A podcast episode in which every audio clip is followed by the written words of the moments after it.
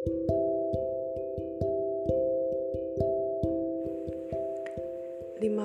Mei 2020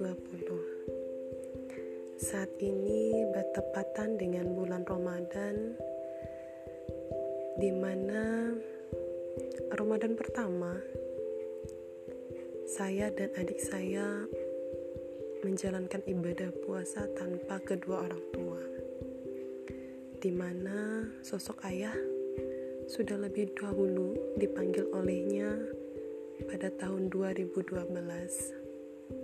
dan Allah pun lebih menyayangi mama dan memanggil mama di bulan November 2019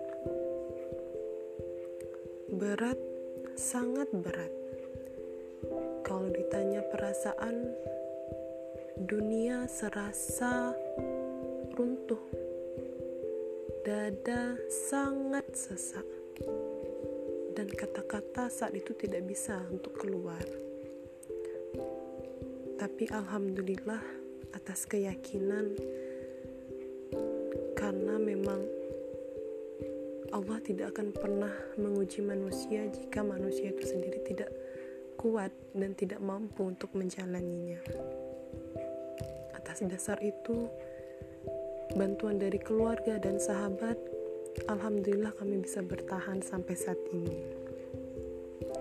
Mungkin banyak yang bilang di usia 28 tahun bukan lagi usia yang muda karena kehilangan sosok dari orang tua.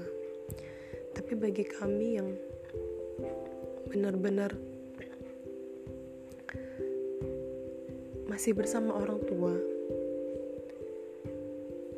itu cukup menjadi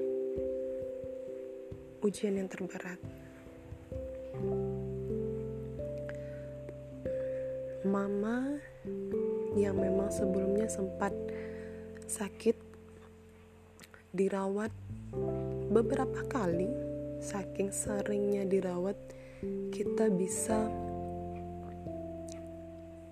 nginap di rumah sakit itu berminggu-minggu. Dan setelah keluar pun bisa jarak dua hari. Kita sudah kembali lagi masuk ke rumah sakit. Mungkin untuk episode kali ini belum bisa menceritakan secara detail kondisi sakit mama tapi di sini kami hanya ingin menyampaikan bahwa kami bisa menjadi baik dan lebih baik lagi karena adanya orang-orang di sekitar kami yang sayang dengan kami.